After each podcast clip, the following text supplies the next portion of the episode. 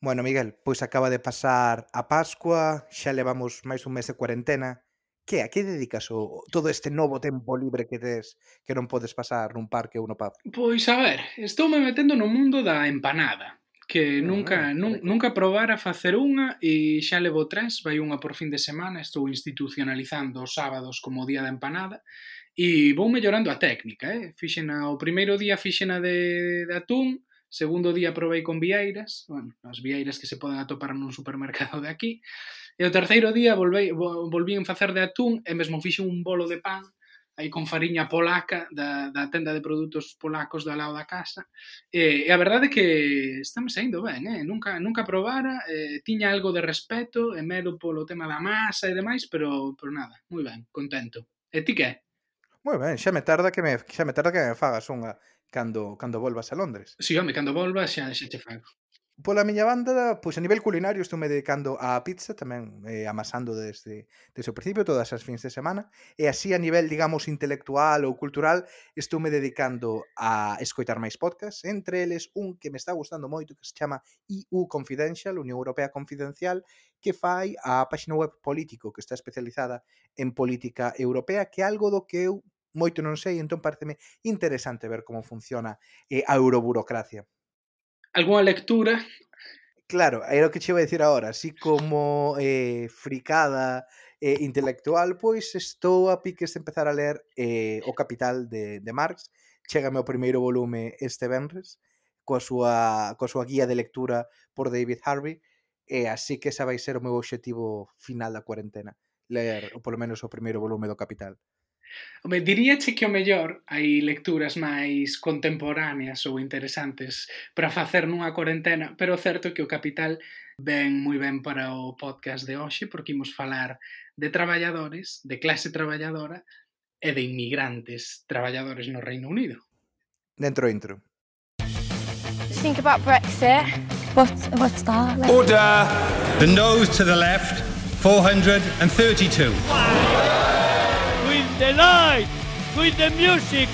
Very welcome everybody here. A Brexit question in English, if you don't mind. Bueno, no, hombre, no lo vamos a hacer. Venga, adelante. ¿Quiere usted hacer el puñetero favor de largarse de aquí y de... No va usted a hacer nada ya. Would you like a cup of tea?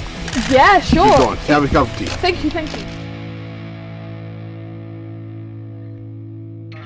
I hope they won't mind if I mention in particular two nurses who stood by my bedside for 48 hours when things could have gone either way. They're Jenny from New Zealand, Invercargill on the South Island to be exact, and Luis from Portugal near Porto. And the reason in the end my body did start to get enough oxygen was because for every second of the night. Miguel, este non é este que está falando non é Boris Johnson. saiu xa da UCI Sí, é Boris Johnson saiu o Benres sí, despois de dúas noites ali en cuidados intensivos eh, saiu xa. Non está exercendo de primeiro ministro aínda pero xa xa está san e salvo na casa. E entón saiu da UCI xa se, xa se puxo a dar unha rolda de prensa ou como é?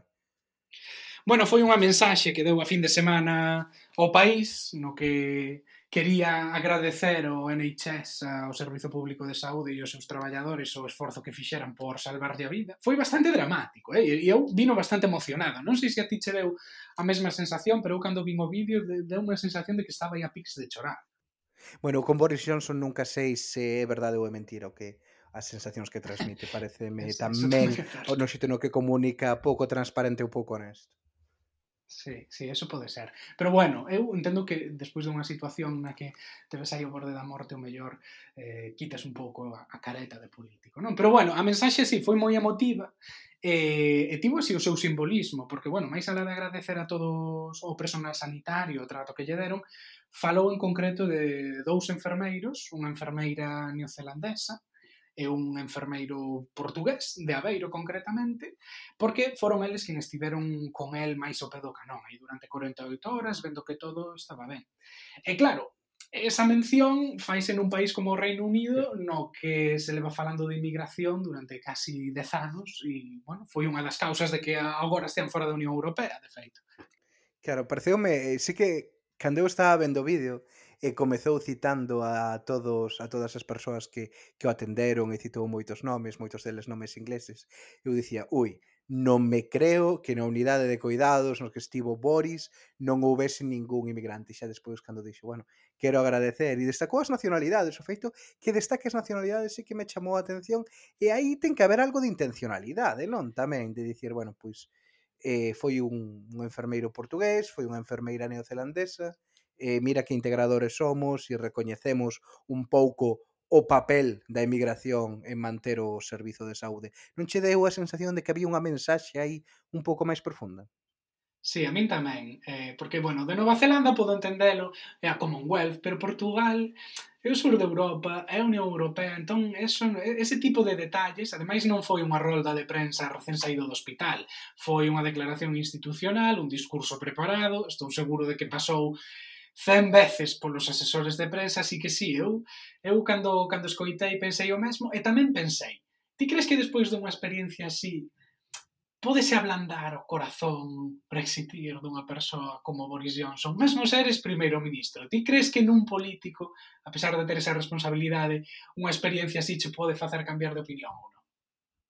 Bueno, non, a ver, Boris Johnson co tema migratorio sempre foi unha persoa con moitas contradicións. Cando ele era, cando ele era alcalde de Londres, claramente tiña unha postura pro migración, era unha destes conservadores entre aspas liberais que creía que quería unha cidade aberta e tal. Entón cando co Boris e mesmo e mesmo cando se comezou a reconvertir en Brexitir, el non facía tantísimo fincapé no, na, na, no tema migratorio hasta xa hasta xa moi tarde, incluso para lanzar ahora estas liñas duras manda a Priti Patel ou a xente máis asociada co, co conservadurismo social eh, do seu partido.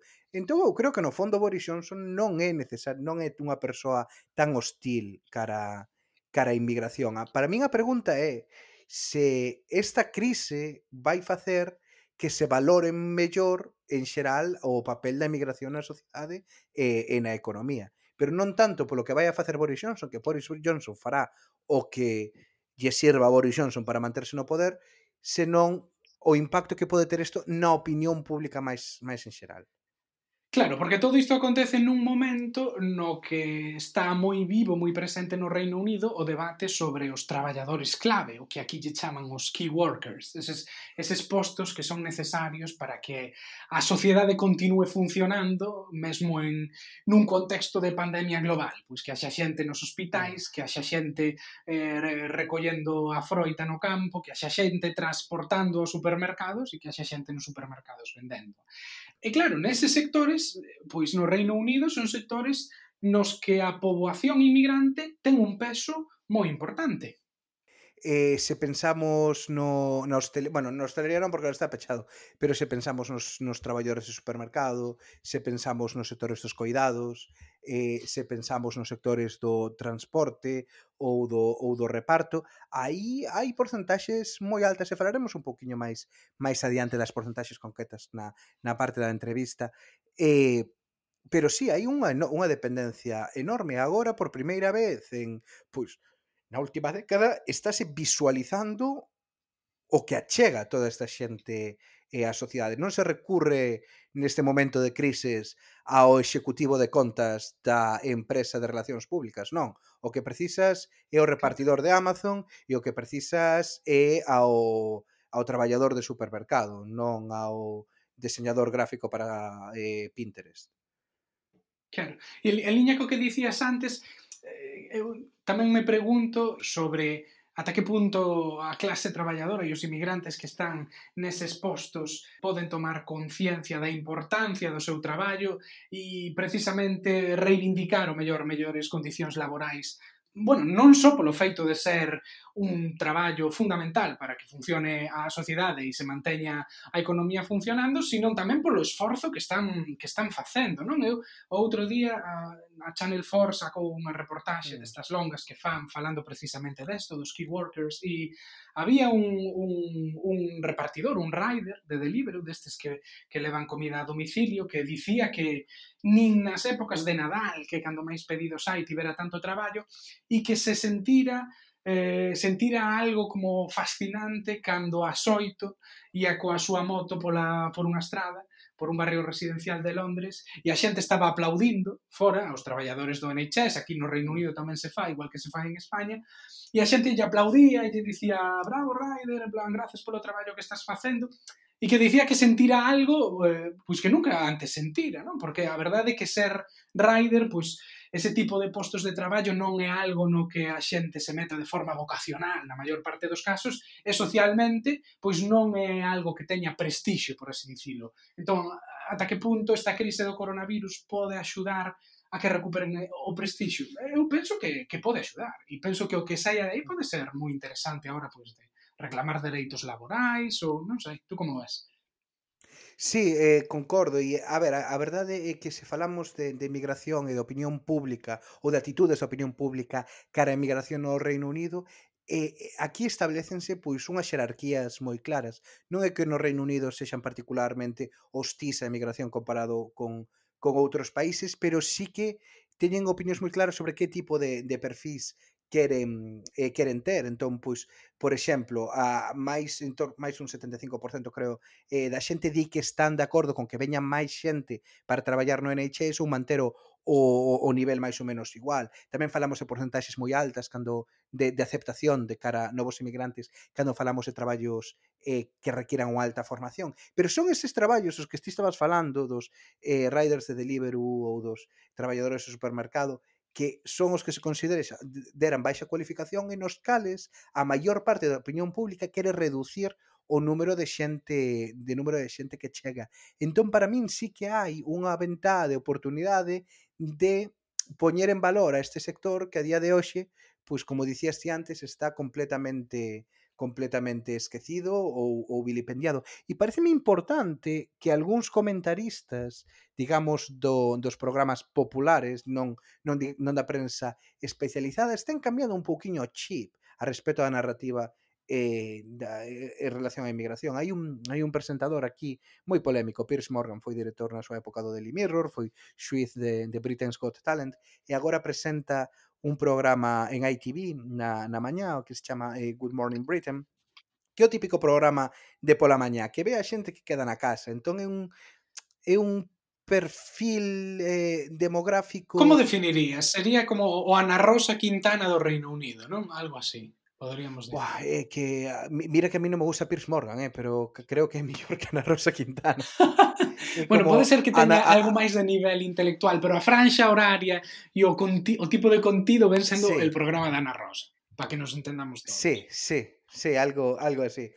Pois eh, estaba facendo outro día unha reflexión interesante a pesar de que viña, bueno, dun punto, eu creo, un... Bueno, eh, a historia, el estaba reflexionando con que unha persoa que traballaba para él eh, el definiu como a persoa que traballa para ele. Eu deduzo polo contexto que debía de ser a súa asistenta ou, ou, ou alguén que, que lle traballa na casa, que estaba eh, falando con, con, con varias amigas a través dunha chamada en Zoom ou Skype ou algo así, e que ela era filipina e todas as súas amigas eran filipinas e todas as súas amigas estaban traballando no servizo de saúde.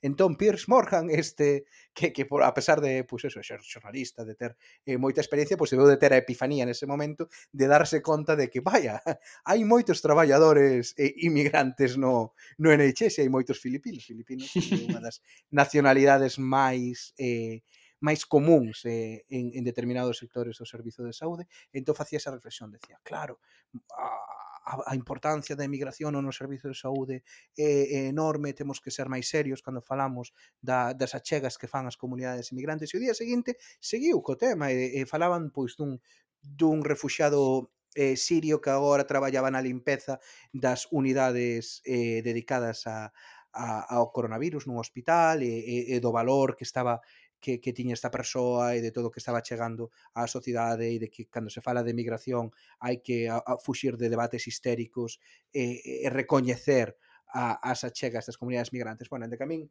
Piers Morgan non é santo da miña devoción, pareceme moi importante que unha persoa como el e coa plataforma que ten ele, co tipo de público que chega eh, que que este que este traballando este discurso, por eso a min se me abre un pouco a esperanza, non, de que de que poida de que poida cambiar. Eso si sí, os comentarios e as respostas en Twitter metían metían medo, non, porque sempre era o tipo de, "Sí, sí, sí, esa Filipina moi ben, pero e los que vienen aquí a vivir de benefits que?" Entón, esos bueno. comentarios tamén os tiñen. Pero polo menos é Piers Morgan, no? quen está abrindo ese debate e non unha persoa hiperideologizada desca. Pero sí, eu tamén teño esperanza de que despois desta crise, pois, nestes sectores eh, se poida recuperar un pouco o orgullo de, bueno, pois de clase traballadora e, e o espírito de autoorganizarse pois para mellorar as condicións laborais. O reto ou un dos desafíos que eu lle vexo a isto é que precisamente por ter porcentaxes tan altos de traballadores inmigrantes, iso pode ser un problema pois a hora de organizarse en sindicatos, porque, bueno, un, é un dos grandes problemas que eu creo ten o sindicalismo hoxendía, non só no Reino Unido, sino en Europa, que entre as poboacións migrantes sindicarse é máis complicado, um, hai como máis barreiras, eh, non só culturais, senón tamén lingüísticas, e iso pode pode ser un problema. Pero, bueno, penso que sí que, que despois de crises como esta poden, poden xurdir movimentos así inesperados deste estilo. E, e enlazando con isto, lía a pasada semana unha reportaxe moi curiosa en Bloomberg na que eh, falaban dunha investigación que analizara como evolucionaran os salarios despois das pandemias históricamente e remontábanse á época da peste negra. E o que dicían a, conclusión, a conclusión a que chegaban era que sempre había unha tendencia á alza dos salarios despois deste tipo de, de epidemias, porque os traballadores tiñan máis a sartén polo mango despois da época da peste negra, lóxicamente, unha poboación diezmada, hai menos man de obra, é máis fácil reclamar, é, non hai tanto parado aí fora esperando para traballar por ti, así que súbeme o soldo, que senón che fago folga. Pero mesmo en epidemias e en situacións de crise sanitaria máis recentes en Asia, ese estudo dicía que subían os salarios. Entón, bueno, pois pregúntome se si o mellor nestes sectores podería pode pasar algo similar a, a iso despois do, do coronavirus. Pois pues está por ver, está por ver como como reacciona pois pues, tanto gobernos como eh, como empresas, pero eh, volvendo un pouco ao que ao que dicías ao principio, non, de, de recuperar o orgullo o orgullo de clase, pareceme moi interesante que algúns destes sectores dos que dos que estamos falando son precisamente os que os sectores que se consideraban perdedores da globalización. Xa sexa porque foron traballadores eh, ou traballadores da, da industria que agora en algúns sectores está a pleno a pleno rendemento, pois para producir para o que faga falta, pois pensemos na, na industria alimentaria e tal. Tam, e, tan, e, pois tamén ese sector como sectores e traballos novos que se crearon no sector servizos a raíz da globalización que foron moi precarizados. Non? Entón, neste, nestes grupos de perdedores da globalización son quizáis onde se está onde se está poñendo o foco e que haxa un pouco de, de orgullo, de orgullo de clase, de e, e de, de valorar o traballo o traballo que se fai, pareceme que se esa é a saída desta desta crise, pois que vai a ser moi positivo e que pode ser o xerme pois de cambios de cambios máis positivos, pois o que dicías ti eh, dos salarios ou repensar como funcionan outras outras áreas da, da economía. Pois sí, pero bueno, hoxe non imos falar só nos diso, non?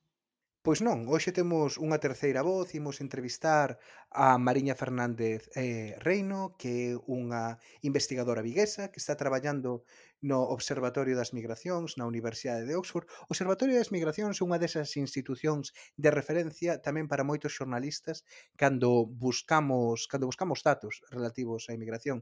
De feito, eh, descubrímola porque Bueno, eu estaba preparando unha documentación para un artigo que nos pediron eh, en Galiza, estaba buscando datos sobre sobre a migración e vin un informe pois que estaba asinado por eso, unha persoa chamada Mariña Fernández Reino.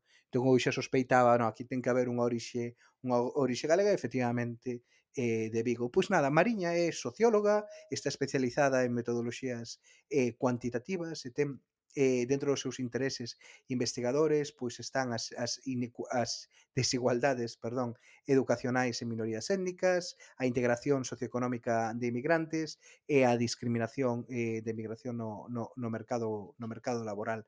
Que tal, Mariña? Ben, moi ben, encantada de que te estar aquí no vosso podcast. Nada, encantado de, de, terte, de terte aquí. Eh, antes, Miguel, e eu estamos falando de todo o importante que están sendo todos estes traballadores eh, todos estes traballadores clave, xa sexa no servizo de saúde, sexa nos, eh, nos supermercados.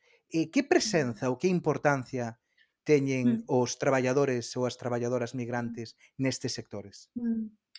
Pois en moitos dos sectores claves dos que máis se fala na actualidade, eh, dado a, a, a pandemia do coronavirus, e no de saúde, eh, pero tamén outros sectores como transporte e almacenamento, precisamente en referencia aos supermercados, e tamén nos traba, eh, a xente que se adica a, a traballo social, digamos, e cuidado de, de xente maior.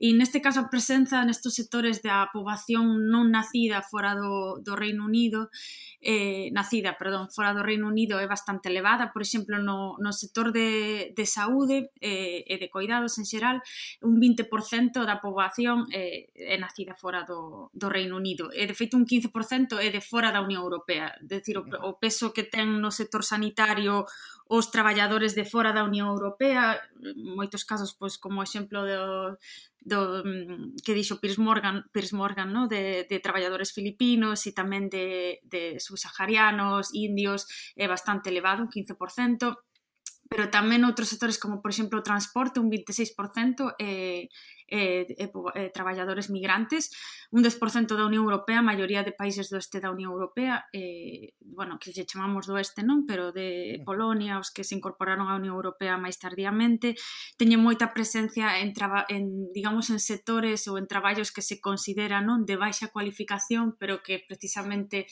a, a día de hoxe pois, se considerados importantes, non? Como pode ser no, no, no transporte, o almacenamento, eh, limpeza, etcétera. Mm. Claro, íamos a preguntar por iso, por si había diferenzas en función do sector nas orixes desa migración, porque a priori un sí que asocia, pensa no Servizo Público de Saúde e pensa, bueno, hai moitos enfermeiros doutores procedentes do sur de Europa, E o mellor noutros postos pois máis relacionados co transporte, co traballo de caixeiros en supermercados, un pensa máis en subsaharianos, en xente do leste de Europa, como é un pouco, cal é a radiografía por, por sectores eh, diso? Pois no sector sanitario de saúde en xeral, que o cal inclúe tamén non só o, digamos, o persoal médico, enfermeiro, sino tamén, bueno, pois xente que traballa nos hospitais, centros médicos, é verdade que hai un 20% de poboación inmigrante nacida fora do Reino Unido, un 5% europea, que, bueno, eh, relativamente elevado, pero tampouco, pero sobre todo a presenza, digamos, que notamos máis en términos numéricos e de fora da Unión Europea, sobre todo de, da África subsahariana, isto é así porque se recrutaron moitos eh, médicos e enfermeiros de, de países como Kenia, Nigeria, xa desde os anos 90 e moitos pois quedaron aquí. Eh, tamén, eh, bueno, tamén hai o estereotipo no, do médico indio, que tamén é verdade que, que hai, ten bastante presenza eh, eh, os indios neste sector, pero, por exemplo, noutros sectores como de informacións, novas tecnoloxías ou comunicacións, o peso, por exemplo, da poboación india e de traballadores migrantes indios é moi elevada. Eh, entón aí digamos que o estereotipo tamén funciona eh, noutros como por exemplo que son traballos que se consideran digamos de baixa cualificación pero que eso non quere decir que non sexan a traballos relevantes como pode ser o de digamos traballo social e cuidados eh, sobre todo a poboación maior tamén o sector de transporte na construción aí hai unha presenza de traballadores do leste de Europa bastante elevada. Entonces, eh, é verdade que varía según, segundo sector, isto en parte ten que ver co, co sistema de selección dos fluxos migratorios en, que, bueno, tal como funcionou ata agora, non? Dura, que para vir de fora da Unión Europea era moito máis difícil e exixíase un nivel educativo e elevado, digamos, iso para unhas profesións determinadas. E, sen embargo, pois, como serás cidadán da Unión Europea, bueno, isto é, seguirá sendo así ata, ata o ano que ven, pois tiñas liberdade de movimento e de traballo, non? entonces calquera persoa eh, de, de calquera país de Europa podía virse mover, moverse aquí sin necesidade de ter unha oferta de traballo de traballo dun sector concreto, non? E isto foi o que pasou con a, a emigración que houve moi grande dende mediados dos 2000 do, do leste de Europa, sobre todo de Polonia e de Rumanía.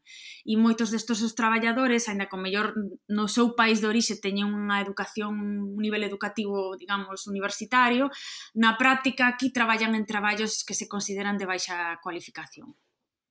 Estamos falando de todo isto nun momento no que está moi presente eh, ao debate sobre o mm, futuro sistema de inmigración que terá o Reino Unido, a proposta que fixo o goberno é implantar un sistema por puntos similar ao de Australia, a, até que punto eh, unha economía como o Reino Unido pode ser golpeada por un cambio na política migratoria así? Ti pensas que o goberno terá que, bueno, replantexar a súa postura sobre este tema a raíz desta crise do coronavirus ou pensas que por uns anos pode continuar a economía funcionando eh, cun sistema novo de visas como que plantexan agora?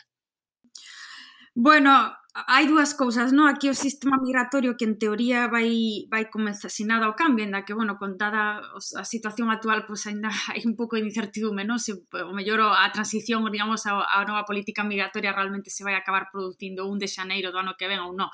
Pero bueno, asumindo que isto vai manterse os, o calendario que estaba previsto, digamos, sí que un, un, foi un cambio, bueno, supón un cambio radical na política migratoria do, do Reino Unido, O que é importante ter en conta é que, por un lado, esta política nova migratoria é unha liberalización para a xente que vende fora da Unión Europea, É dicir, comparado coa política de, de Teresa May, digamos, dos últimos anos do goberno conservador, hai unha liberalización nesta nova proposta porque rebaixanse os requisitos de acceso para os inmigrantes de fora da Unión Europea, os extracomunitarios poden entrar cun avisado de traballo con un nivel educativo algo máis baixo e os, digamos o salario mínimo exixido para obter ese visado de traballo tamén se rebaixa. Entón, hai por un lado hai unha liberalización para os extracomunitarios nos requisitos de acceso a, a unha visa eh, de traballo pero por outro lado hai unha restricción moi grande aos fluxos migratorios da Unión Europea, xa que se remata coa liberdade de circulación, traballo e de residencia, non que é un dos pilares fundamentales da, da Unión.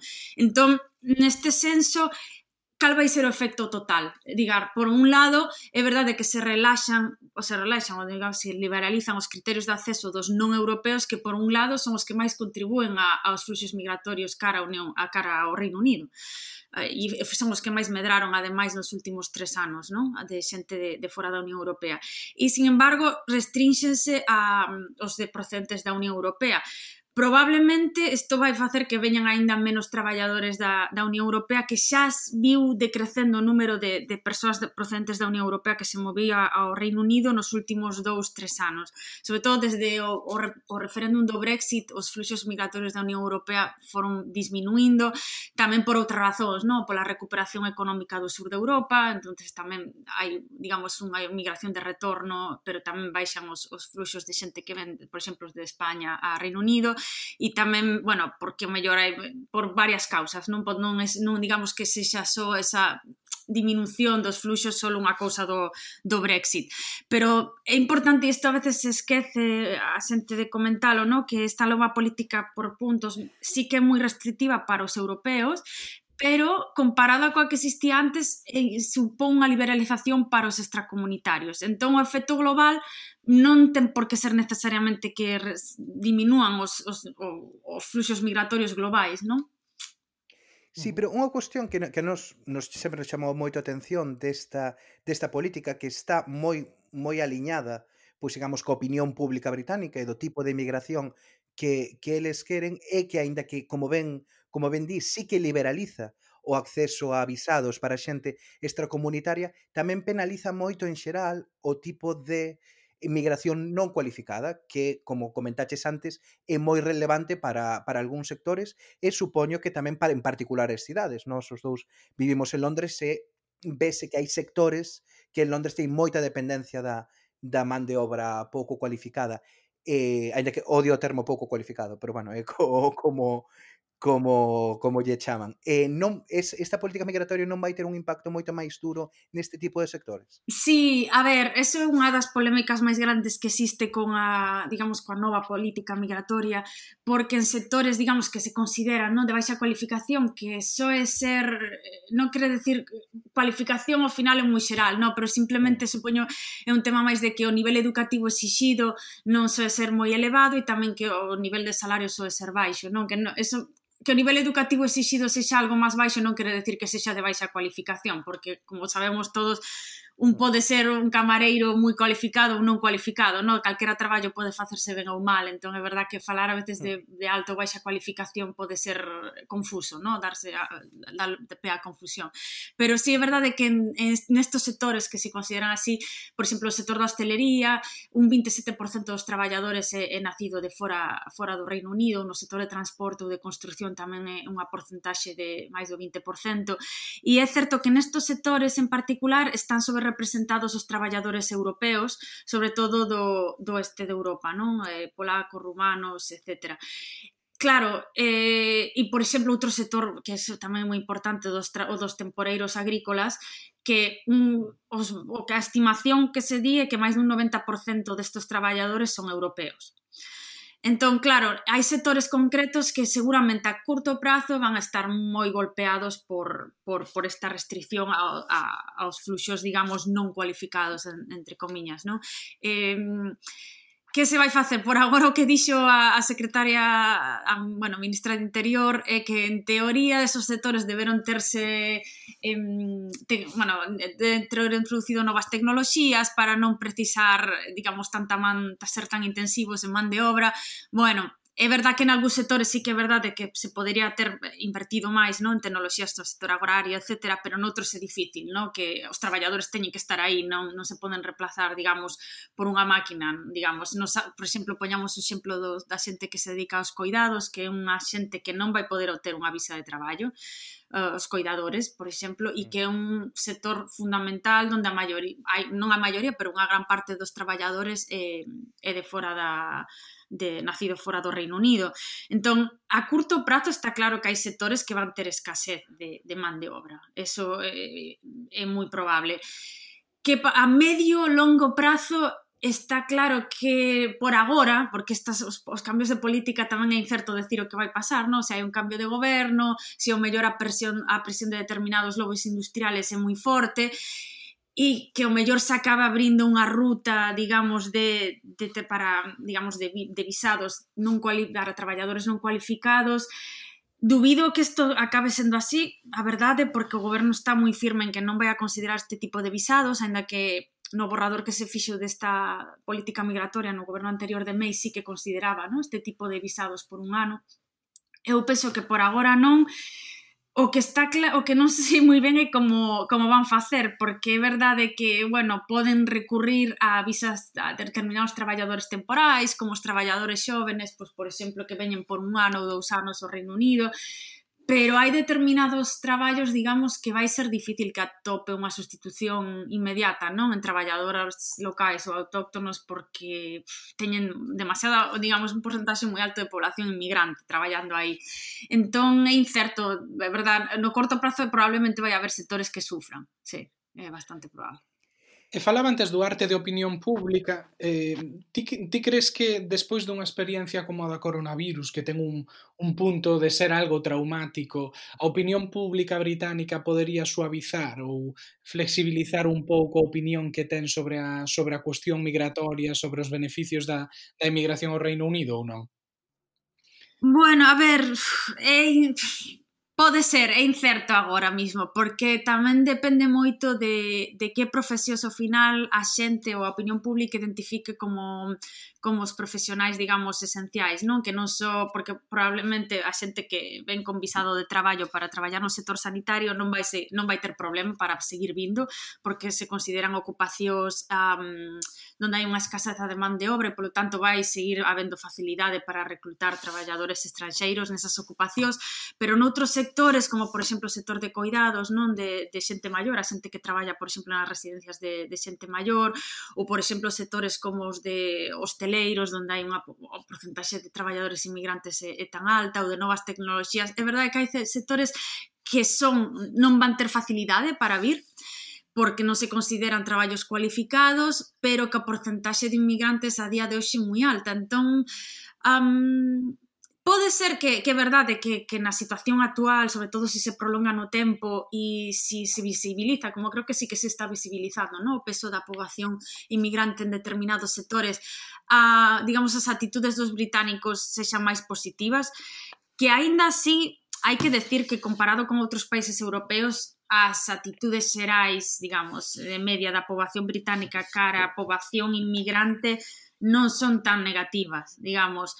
É verdad que en todos os países hai unha maioría sempre que está en contra de, bueno, que prefire que non cheguen novos traballadores inmigrantes, eso, eh, digamos que a opinión negativa é algo que existe en todos os países, lo que pasa que logo hai uns que son máis que outros, no, o Reino Unido tampouco se caracteriza especialmente comparado, por exemplo, con países como Bélxica, Austria, incluso Alemania, a, co, pola súa, digamos, especialmente oposición a, a, a población inmigrante. O que sí que é certo que o debate durante, durante a época do Brexit, sobre todo o digamos o ano previo, o ano durante que foi o Brexit e o tempo posterior, sí que se polarizaron moito as actitudes non con respecto á poboación inmigrante precisamente porque será un dos temas claves na, na campaña do Brexit, non un dos temas dos que máis se discutía.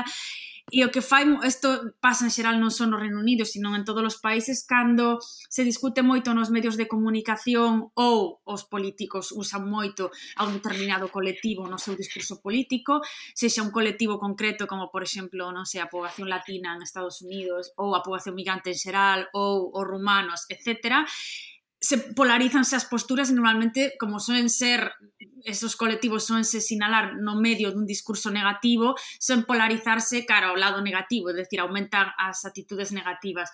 Polo tanto, é verdade que se agora a poboación por primeira vez quizás en bastantes anos no Reino Unido, non? Aparece a población inmigrante na prensa outra vez pero nun, con un contexto, cun discurso máis positivo, sí que é verdade que, polo menos a curto prazo, é probable que iso teña un impacto positivo nas actitudes da xente. Pero é incerto saber que vai pasar de aquí a un ano, por exemplo, non? Si, depende moito de, de como se man, si ese discurso se mantén, se modula, etc. Mm.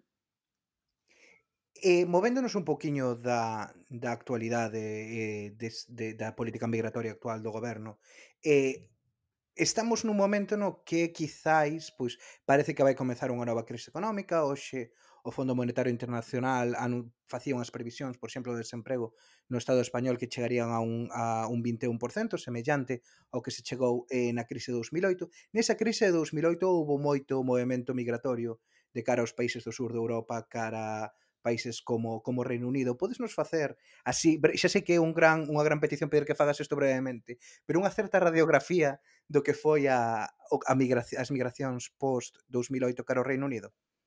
Sí, bueno, eh, isto eh, eh, xa, bueno, como ben acabades de resumir vos, non só en España, sino que a crise do, do 2008 afectou de forma especialmente grave, digamos, os países do sur de Europa, a crise da débeda, non só España, pero Italia, por exemplo, tamén estivo moi afectada, e iso fixo que os fluxos migratorios de procedentes de España, Italia, sobre todo, a cara ao Reino Unido, a partir sobre todo do ano 2011, 2012, ata 2014, aumentasen moitísimo mesmo. É dicir, isto eh, vimoslo claramente nas estadísticas como de pasaron a ser un dos, digamos, dos grupos de, de persoas eh, en números, en términos numéricos de, da Unión Europea que viñan, non? E desplaz... non chegaron a desplazar os polacos, pero, bueno, Italia e España sí que foron un, uns contribuidores de, de, de migrantes á poboación do Reino Unido.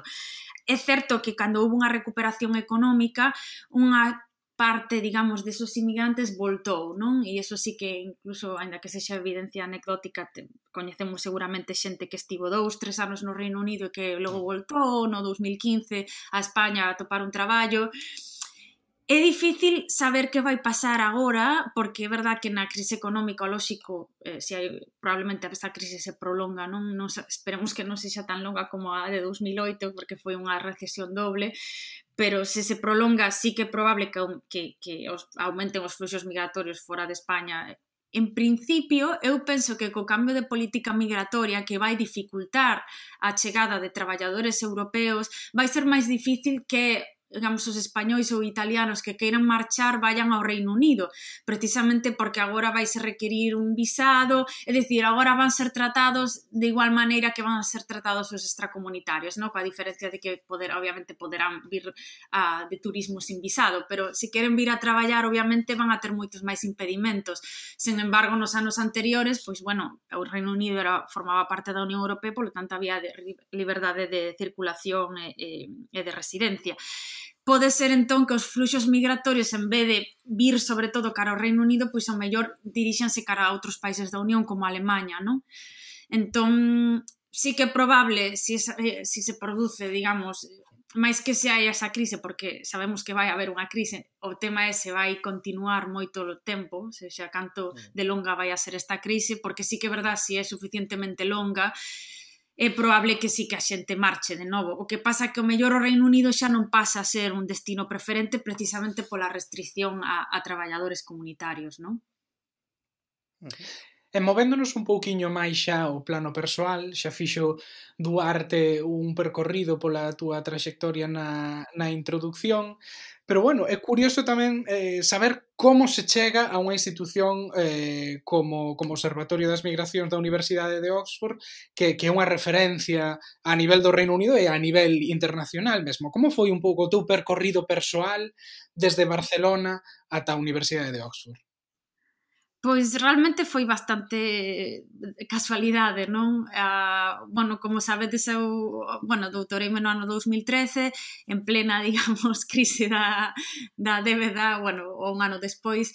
Polo tanto, bueno, nese momento atopei traballo en Madrid, a verdade que non sei moi ben como, foi bastante tamén casualidade, porque nese momento xusto estabanse a financiación para o mundo académico, para o mundo da investigación, baixara moitísimo durante eses anos e de feito non se recuperou en España, ainda a pesar de que houve recuperación económica non chegou a recuperarse o, o mundo da investigación, pero si sí, estiven 4 anos ali, dous anos deles financiada por un proxecto europeo e polo tanto esa financiación viña de fora, non? Digamos, por eso tiven a oportunidade de estar ali e o que pasa que cando acabou esa financiación dese proxecto europeo, pois, bueno, non saía nada e, e a verdade é que a, en España en xeral, polo menos en socioloxía, ou mellor noutros sectores científicos, sí que se abren máis prazas, eh, está moi difícil eh, e de feito por eso hai tantos investigadores eh, de españois, bueno, no Reino Unido, en toda Europa en xeral, en Estados Unidos. Entón, bueno, pois pois a votar currículums basicamente, non sei cantos votaría, como 20 ou 30, non sei. Um, que o que facemos, non? E votei no a todas partes, realmente non tiña ni siquiera unha preferencia de de destino, prefería Europa, pero tirei a todas partes, incluso a Chile, a Rusia, e, bueno, máis que nada miraba o tipo de traballo, ¿no? que fose así como eh, temas de, ou de, de desigualdades ou de migracións para un perfil, digamos, sociolóxico, cuantitativo, e tirei a todas partes eh, e saiu aquí. o sea que foi algo bastante casual porque ni siquiera, obviamente, coñecía o centro aquí de, o, digamos, o, migrator, o, o Observatorio de Migracións está no, no Centro de Migracións, que é máis amplo da universidade, e coñecía obviamente, coñecía un par de persoas, pero pero vamos, de vista, de tela visto nas conferencias, pero nada máis, entón foi bastante casual, o sea, chamáronme, fixen a entrevista e seleccionáronme. O sea, non foi foi bastante, sí, non non foi algo moi planexado. E por que elixiches migracións como área de, de especialidade? Que tiñan Uf, as migracións que te chamaba a ah, atención? Non sabería como decir a verdade. Creo que foi no meu ano de máster que fixen na Pompeu Fabra. Um, houve unha parte que foi máis pola profesora que tiven no cursos de Socioloxía das Migracións que era moi boa, logo pasou a ser a miña directora de tese e un pouco facendo ese curso un pouco namoreime dos temas que teñen que ver con, con socioloxía das migracións e, e realmente sí, foi tamén bastante casual, porque eu antes deso, bueno, eu estudei ciencias políticas, ni siquiera estudiara socioloxía, eh, e ata ese momento non tiña nin idea, vamos, de, era un tema que Ademais, bueno, sabía que obviamente sí que ler un pouco, porque ademais a presenza en España houve un boom migratorio bastante forte nos anos 2000 e Barcelona é un dos principais destinos, pero bueno, máis ala diso tampouco tiña eu moita non foi como estes temas de xente mellor que ten unha paixón por un tema que a leva arrastrado desde o primeiro ano de carreira, non? Eu non, eu foi no máster, bueno, fixen ese curso, comecei a interesar, e tamén supoño que porque tiña unha profesora que me pare, parecía moi boa e, bueno, pois comezou así un pouco, tamén un pouco casual, digamos. Mariña, nós non te congotas a todos os galegos que, que entrevistamos, que están aquí no Reino Unido, facémoslle unha especie de xogo de rol na última pregunta da entrevista, poñéndos na situación dun uh, posible conselleiro de educación ou presidente da xunta omnipotente que podería eh, mellorar algo de Galicia actualmente. Neste caso, ti es investigadora con toda a túa traxectoria na investigación en Barcelona, en Madrid e agora en Oxford, que políticas, que medidas se tiveras un orzamento ilimitado porías en marcha para mellorar o mundo da investigación en Galiza agora mesmo? A verdade é que me pillades bastante con esta pregunta porque, bueno, o, o meu tema, o tema de migracións, como sabedes, non é un tema moi, bueno, relevante en Galicia precisamente porque a xente de Galicia marcha, non, non chegan, digamos, a, a porcentaxe de xente de, de, nacida fora de España que vive en Galicia é bastante baixa. Pero, bueno, digamos que en xeral, pero eso tampouco sería algo particular de Galicia, diría invertir en educación obrigatoria, en educación de 0 a 3 anos. Considero que é fundamental para disminuir desigualdades, eh, para tam, sí, ou seja, evitar sobre todo o fracaso escolar, diría sobre todo invertir máis en educación obrigatoria. Pois con esa reflexión nos quedamos. Mariña, moitas grazas. De nada, grazas.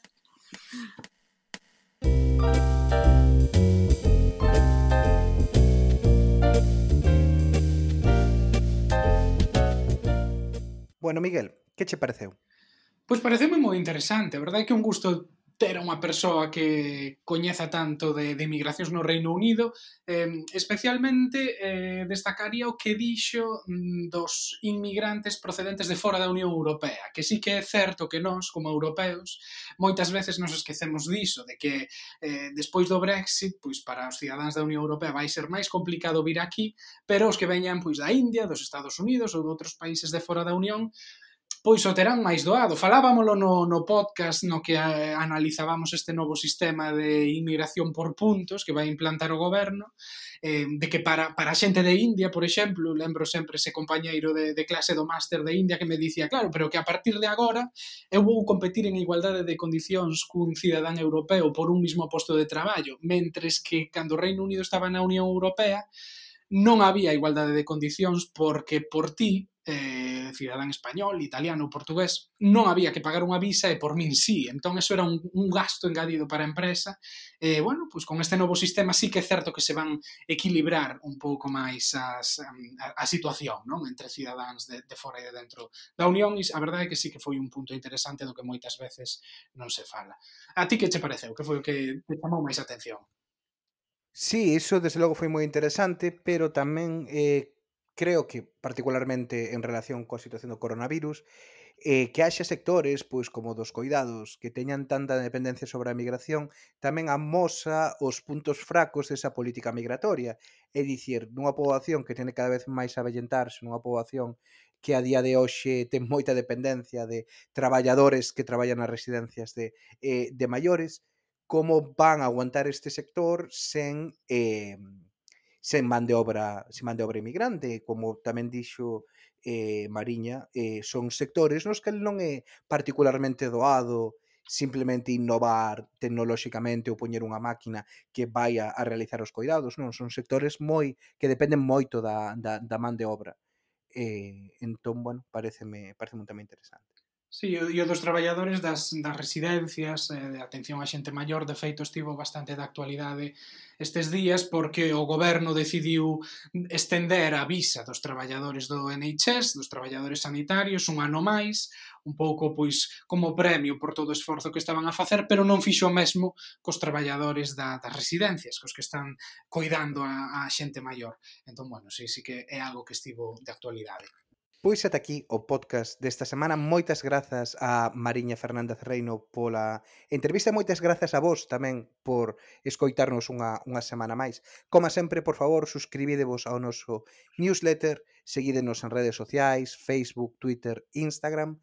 E se queredes seguir apoiando o Té con Gotas, temos unha conta en Patreon na cal podedes pagar unha suscripción mensual que nos axude a, seguir eh, con isto, eh, patreon.com barra eh, té con gotas eso, suscribidevos desde un módico precio de 2,50 dólares ata un máximo de 10 eh, dólares. Moitas gracias por estar aí e vémonos en dúas semanas.